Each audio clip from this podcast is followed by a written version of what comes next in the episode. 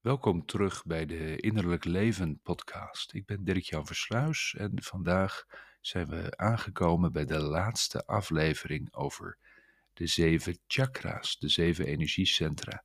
Niet zoals gebruikelijk in een gezondheidskundige of spirituele setting per se, maar in relatie tot je leven, je ondernemerschap en ook je leiderschapsontwikkeling.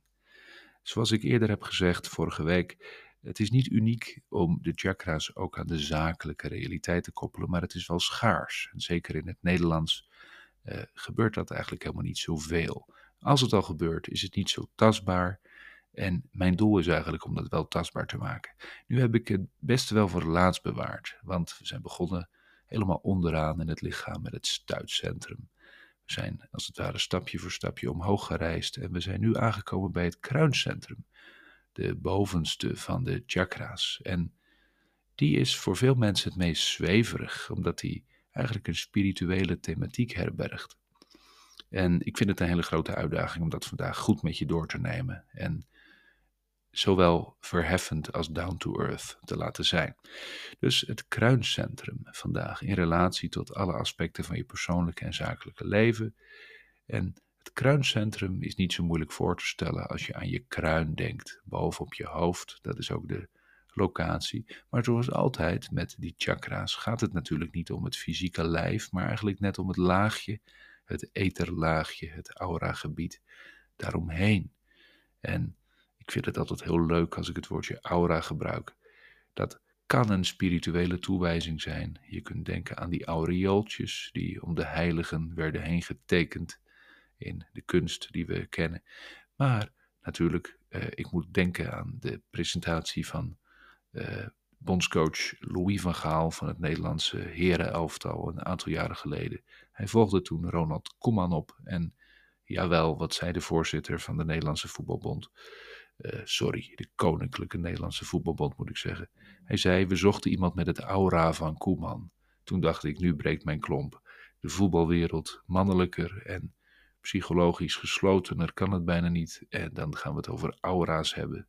En alle, alle journalisten blijven zitten. Niemand vraagt, wat bedoel je nou? Kortom, zo ingeburgerd is dat eigenlijk. Toch zit er nog een, een, een zweem van onbekendheid, zweverigheid, ongrijpbaarheid omheen. Nou, die zal er wel mee te maken hebben dat het misschien ook niet het meest grijpbare thema is. En dat je intuïtief al aanvoelt dat er een wereld achter zit. Maar het aura, de aura, het etherlichaam, dat dampkringachtige omhulsel van ons fysieke body, is eigenlijk ook best wel duidelijk uit te leggen. Je kent dat van de ogen die je in je rug voelt. En ga zo maar door. Het is eigenlijk heel mainstream om bij die functie stil te staan. Maar op het moment dat we het zo gaan noemen, dan wordt het al snel een beetje een dingetje. Nou, als we dit eventjes meenemen naar de kruin, we hebben dus niet letterlijk over de kruin, je hoeft niet je, je haren te scheren als je nog, nog hoofdbeharing hebt, tenminste. Uh, het gaat eigenlijk om een gebied boven je kruin. Hè? Als het ware zwevend boven je hoofd. Als je je handpalm boven je hoofd zou houden, dan ben je vermoedelijk gemakkelijk in contact met het kruincentrum. En waar staat het kruincentrum nou voor? Nou, we hebben zeven chakra's. De bovenste is het kruincentrum, de onderste is het stuitcentrum. En we zeggen wel dat daarvan de oriëntatie verticaal is. Terwijl alles wat ertussenin zit, het voorhoofd, de keel en verder naar beneden, dat zijn eigenlijk allemaal centra die horizontaal gericht zijn. Dus stel je even voor dat jij en ik nu tegenover elkaar staan, dan zou je kunnen zeggen dat alle chakra's die in het midden zitten, die wijzen naar elkaar. Dat zijn centra die in een horizontale uitwisseling staan met elkaar. Dus we voelen elkaar, we pikken informatie van elkaar op. Die uitwisseling is horizontaal, ook van mens tot mens, terwijl het stuitcentrum van nature ook een oriëntatie op de grond onder ons heeft. Daarom hebben we het ook vaak over het woordje aarden.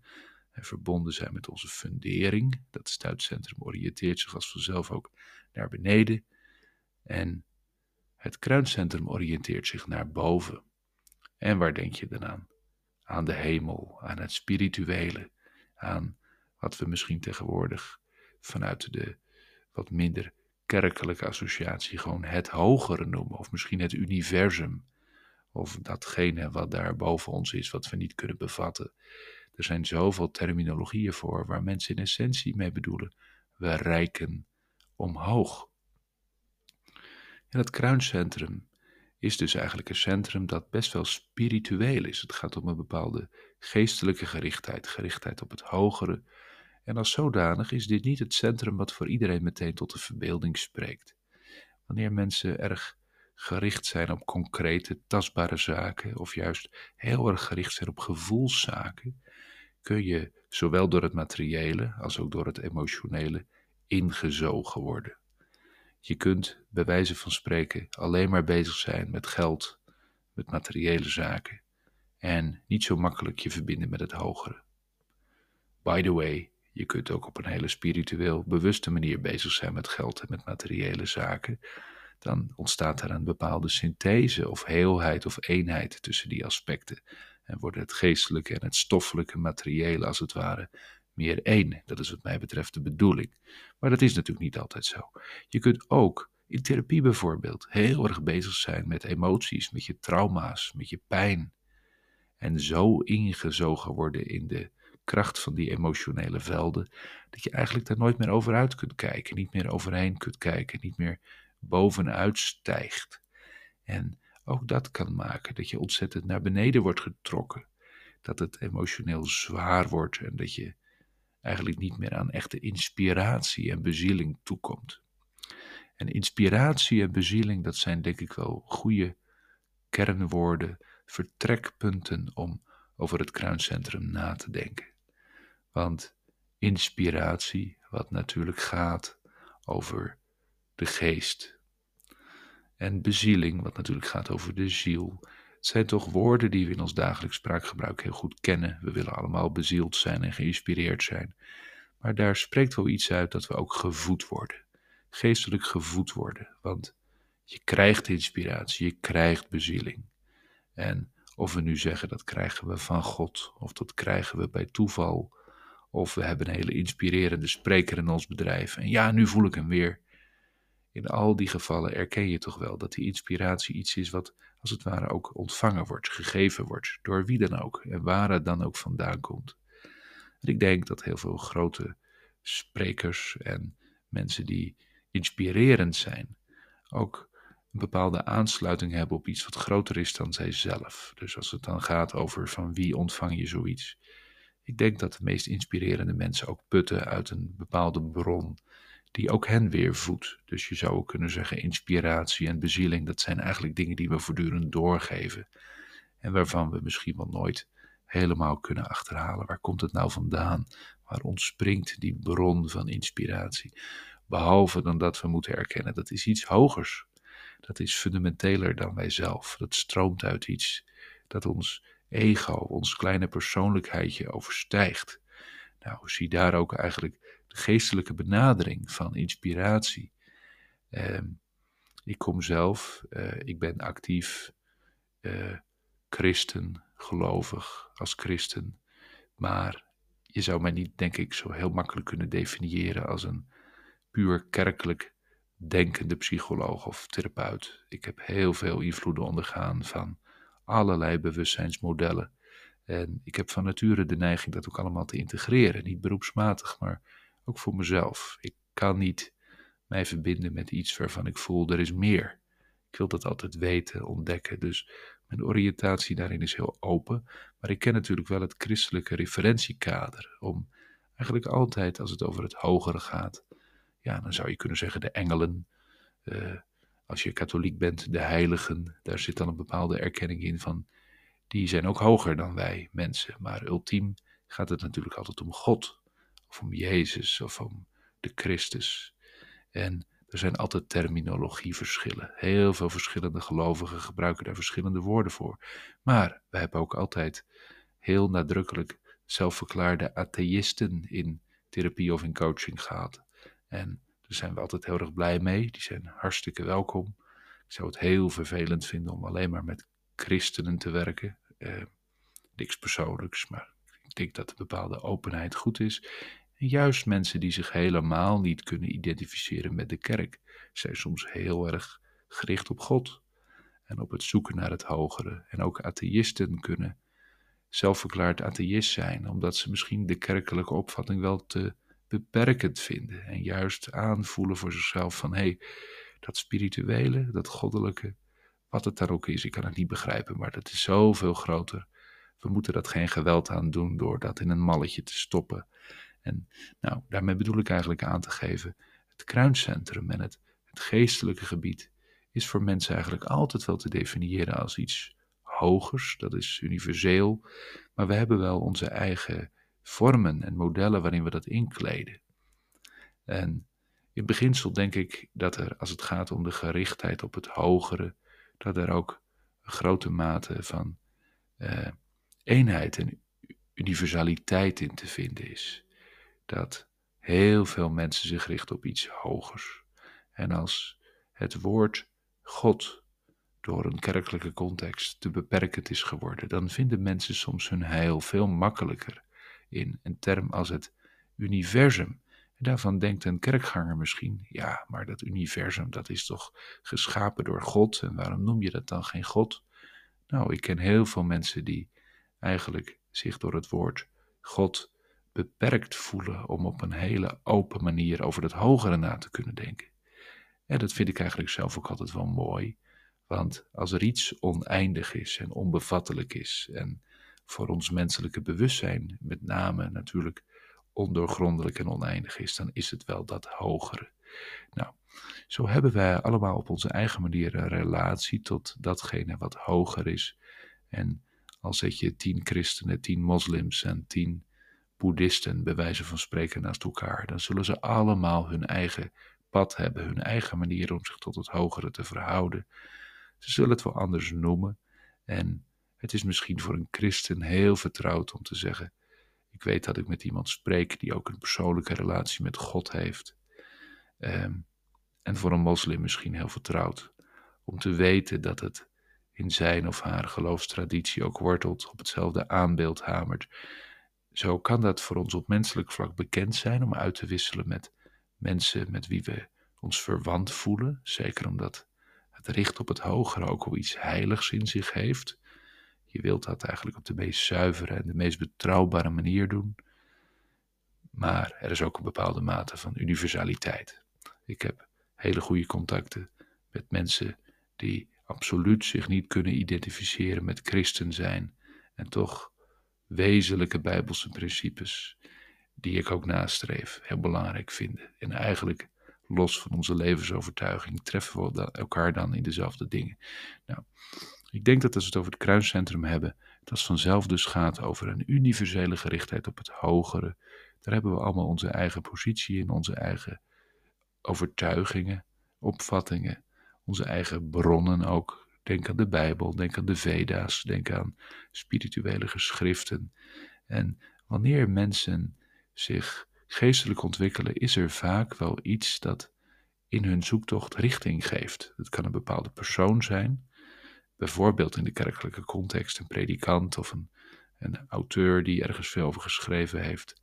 Het kan ook als het gaat om bewustzijnsontwikkeling in de brede zin iemand zijn als uh, een goeroe of een, een bewustzijnswetenschapper die veel publiceert. We worden vaak op persoonlijke wijze geraakt door bepaalde ervaringen waarvan we denken: hé, hey, daarin voelen we iets fundamentelers, dat is hoger, dat trekt ons omhoog en dat geeft als het ware, zoals je naar de wolken kunt kijken, naar de hemel kunt kijken, zonder daar fysiek te zijn, maar je kunt je daar wel op richten. Zo kunnen we in ons bewustzijn ons eigenlijk ook richten op iets hogers waarvan we voelen dat is super fundamenteel. Dat is waar ik naar zoek. Ook al ben ik er nog niet. Maar ik voel meteen dat dat me trekt. Daar zit iets waarachtigs in. Dat is echt. Dat is het nastreven waard. Daar wil ik wel mee in contact komen. Nou, als we het over het kruiscentrum hebben, zijn deze inleidende opmerkingen. Uh, ik zie op mijn beeldscherm dat ik bijna al een kwartier aan het uh, praten ben met mijn ogen dicht hierover. Um, ik denk dat het nodig was om een stukje introductie te geven bij die gerichtheid op het hogere. Daar gaat het kruiscentrum over. En het is dus eigenlijk, wil je geïnspireerd en geleid door je leven gaan, wel noodzakelijk om de functies van dit centrum te ontsluiten. Ook al zijn er, zoals gezegd, tal van redenen waarom mensen daar niet aan toe komen. Of dat nu in de stoffelijk materiële zin is of in de emotionele zin. Het is dus niet zo dat alle therapie en coaching en persoonlijke ontwikkeling je per definitie ook naar deze laag brengt. Het kan ook juist heel persoonlijk gebonden zijn, waardoor je meer omlaag dan omhoog wordt gericht. Als je denkt aan de ademhalingstechnieken van Wim Hof bijvoorbeeld. Het lijkt heel aards en simpel met zo'n masculine bebaarde man die natuurlijk toch wel iets van een krachtprincipe vertegenwoordigt. Maar in zijn werk zit ook een heel spiritueel aspect. Want wanneer je deze methode beoefent, kom je ook heel dicht bij een bepaalde kern. En in de totale rust en ademloze stilte, zou ik het met een knipoog willen noemen, die ontstaat wanneer je de ademhalingsoefeningen doet, kom je ook gemakkelijker in contact met het bewustzijn dat zich richt op de hogere dingen. Je raakt zo leeg dat je die zachte, ruisende stilte kunt voelen en dat je toch gemakkelijker geestelijk gericht raakt. Nou, wil jij in je leven een grotere mate van inspiratie ervaren, bezieling ervaren, dan zou ik je dus uh, graag wat willen helpen vandaag, wat daar fundamenteel voor is en wat het belang daarvan kan zijn. Allereerst, de twee pijlers die ik zojuist noemde, zijn denk ik belangrijk om te erkennen. Dat onze fysieke gerichtheid, materiële gerichtheid, of dat nu is omdat we alles tastbaar willen hebben, of dat het uiteindelijk altijd om geld en materiële dingen gaat, dat is een gerichtheid die ons behoorlijk op de onderkant van het spectrum kan richten. En dat helpt dus niet bij een bepaalde spirituele gerichtheid. Al te zeer emotioneel bezig zijn, emotioneel opgesloten zitten in conflicten, tegenstrijdigheden, eh, gevoelslagen die als het ware alles bepalend voor je zijn, is ook meestal niet de manier om je spiritueel te richten. Teruggrijpend op vorige week, het, het, het derde oog, het voorhoofdcentrum. Er is wel een bepaalde mate van openheid nodig om goed met het kruincentrum te kunnen werken. Dat maakt dus toch, simpel gezegd, dat je jezelf op een bepaalde manier leeg zult moeten maken en ontspannen, om dat goed te kunnen ontvangen. En daarvoor is een hele grote body van materialen beschikbaar. Ehm, je kunt denken aan alle meditatieve praktijken. Ik noem niet voor niets Wim Hof, maar natuurlijk alle spirituele praktijken waarvan je voelt, en dat zou ik bewust heel persoonlijk voor je willen maken, want ik ken je niet en ik weet niet in welke context je leven staat en je ontwikkeling staat. Um, datgene wat jou het meest trekt tot het hogere, of dat nu een, een, de Bijbel is, of een boek is van Pim van Lommel over eindeloos bewustzijn. Of misschien een podcastaflevering of een YouTube-aflevering met, met een guru die spreekt over allerlei hogere bewustzijnslagen, die als het ware ook kan voelen als je er een paar minuten naar luistert. Het zijn allemaal voorbeelden van hoe je je op inspiraties kunt richten. En dat is denk ik wel het eerste wat je kunt doen. Durf erop te vertrouwen dat je ook aangetrokken wordt tot dingen die voor jou inspirerend zijn. En als het gaat om ondernemerschap en om leiderschap, is het misschien ook wel logisch om te, te denken: welke grote voorbeelden, welke mensen zijn inspirerend voor mij? Er zijn altijd grote leiders geweest, van Martin Luther King tot Abraham Lincoln, tot, tot noem eens grote eh, iconen uit het bedrijfsleven die ergens voor staan. Als het gaat om ondernemerschap geldt dat natuurlijk niet minder, de helden van het zakenleven. Um, en dat kan inspirerend zijn, omdat ze een bepaald voorbeeld zijn, of een, ik zou het bijna willen zeggen in de terminologie van de oude christelijke kerk, het zijn iconen voor iets, ze drukken iets uit, maar ze zijn het eigenlijk ook niet zelf. Zoals de heiligen in de vroege kerk, in de middeleeuwse kerk, ook eh, iets uitdrukten van de goddelijkheid, maar ze waren niet God zelf. Zo zou je kunnen zeggen, die grote voorbeelden of inspirerende figuren die we kennen, die staan voor iets wat wij nastreven. Maar ja, we zullen nooit diezelfde persoon worden of hun identieke pad hebben. Dus we zien daarin iets in wat als het ware ons trekt naar iets fundamentelers. Je ziet daar een ultieme kracht in of een bepaalde gedrevenheid, een visionaire gerichtheid waarvan je denkt, Dat is het wat ik eigenlijk ook nastreef. Nou, het kan heel goed zijn om daarbij te beginnen. En dat je als het ware heel serieus er contact mee gaat maken, je erop gaat richten.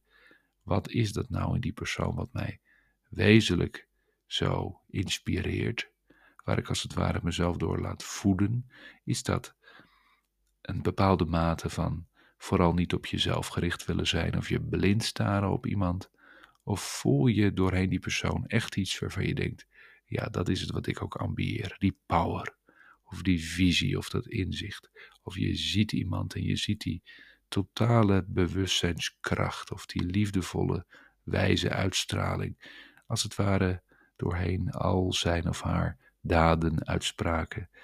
En dat trekt je ontzettend. Durf op die inspiratie te vertrouwen. Dus het kan heel goed zijn als het gaat om de ontwikkeling van je kruingebied, om een heel goede bergtop te kiezen, een hoger punt te kiezen waar je je ongelooflijk toe aangetrokken voelt. Vaker wel dan niet komt dit tussen aanhalingstekens toevallig tot ons. Dus in deze aflevering klinkt het misschien wat planmatig, alsof je nu een lijstje kunt gaan maken of een moodboard. Ik denk dat dat in de praktijk ook andersom gaat. Dat dit mensen pakt en grijpt in hun leven. Dat ze het gewoon maar tegenkomen, lezen, ontmoeten. En dan zijn ze hooked of gegrepen. En gaat het nooit meer weg? Of blijft dat lange tijd een inspiratiebron?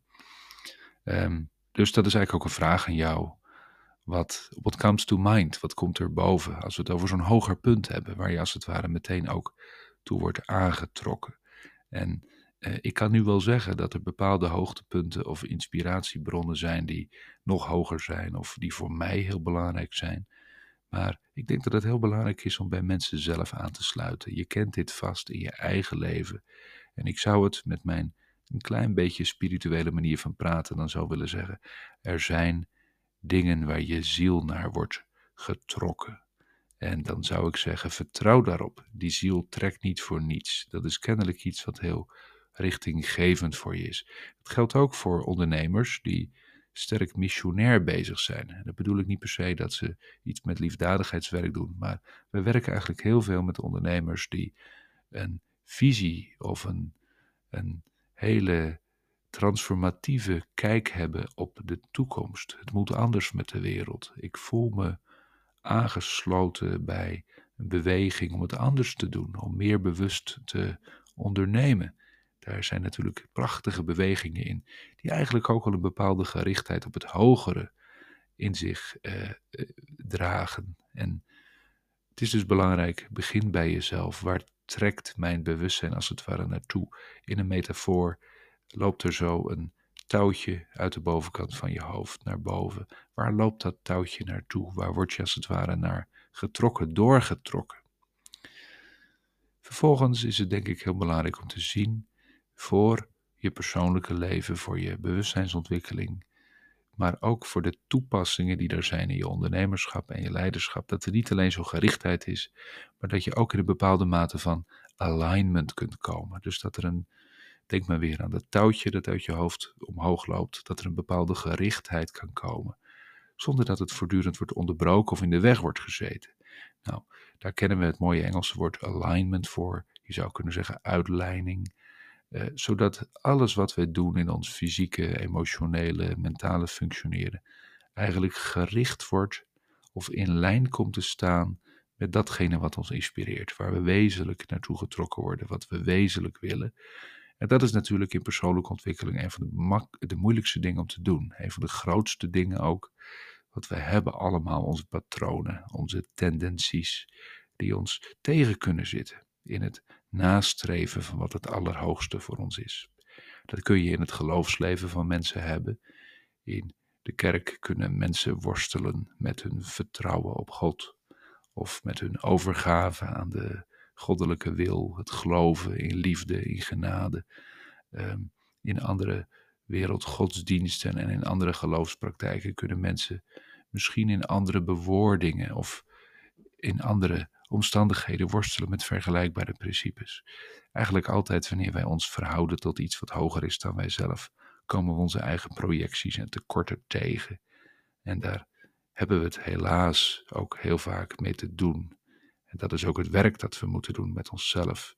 Om voortdurend, als het ware, dat touwtje wel te volgen, gericht te zijn op dat hogere, maar toch ook te werken vanuit het lagere. Dus we moeten vaak werk doen met onze emotionele body, met onze patronen, met onze neigingen, met onze karaktertrekken die die eenlijnigheid in de weg staan. Nou, dat is denk ik het tweede aspect van het werk met het kruincentrum. Zorgen dat die eenlijnigheid maximaal is. En dat kan op heel veel verschillende manieren. Je denkt misschien bij zo'n verticaal lijntje omhoog aan vormen van transcendente meditatie of gebed of andere vormen van meditatie. Ik heb ademhalingswerk al genoemd. Adem, daar hoor je ook al iets van atma, geest in. En de Bijbel spreekt van geestesadem, bijvoorbeeld. Denk ook aan pneuma in dat verband, wat natuurlijk verband houdt met lucht, met adem. Uh, de adem is zeker een beginsel dat universeel is, want alles wat leeft ademt. Um, de adem verbindt ons ook met iets wat groter is dan wij. Vriend en vijand ademen dezelfde lucht in, dezelfde zuurstof in. Wij zijn veel meer in de adem dan dat de adem alleen in ons is. Maar ook adem kan heel helpend zijn om tot die afstemming of eenlijnigheid te komen. Maar samenvattend zijn denk ik de functies van het kruincentrum nu enigszins beginnend besproken. Ik hoop ook dat het vooral duidelijk is dat dit een oneindige ontwikkeling is, want het hogere is voor ons niet te bevatten. Laat zich hooguit tijdelijk bevatten of laat zich ervaren. En die ervaring kan voor onze ziel genoeg zijn om daar toch op gericht te blijven. En zonder het ooit echt te snappen of te bevatten, toch te voelen, dat is het wat me trekt, waar mijn hele leven naartoe gaat waar ook mijn inspiratie vandaan komt, mijn voeding vandaan komt. En als we ons daarop richten, dan is er bezieling. Want denk maar, het woordje ziel, iets is geanimeerd, anima in het Latijn. Dus iets is bezield wanneer het de levenskracht ervaart, het levensbeginsel. Iets is begeesterd, geïnspireerd, wordt gevoed en is dus in beweging, is dynamisch. Dus je hebt dit zeker nodig in je leven, maar ook in je ondernemerschap, in je persoonlijke ontwikkeling. En neem buiten deze thematiek waar dit over gaat, alsjeblieft ook mee dat er twee speerpunten zijn om hier goed in te ontwikkelen. Ten eerste dus de gerichtheid op wat jou hoger gezien trekt en inspireert. Durf echt stil te staan bij wat jou inspireert. Dat is heel persoonlijk. Waar moet je tijdens het luisteren van deze aflevering aan denken? Welke inspiratiebronnen of welke hogere ervaringen die je in je leven hebt gehad komen naar boven? En ten tweede, het werken aan eenlijnigheid, aan dat verticale draadje dat naar boven loopt en dat eigenlijk door je hele lichaam heen loopt, dan weer tot onder je voeten bij wijze van spreken. En die alignment of eenlijnigheid, dat vraagt werk, vraagt practice.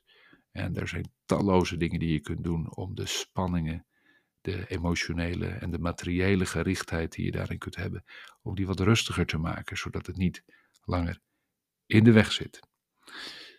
Ik hoop dat ik dit spirituele onderwerp een beetje tastbaar heb kunnen maken. En dat het je inspireert. Als ik je erbij mag helpen, voel je vrij contact op te nemen.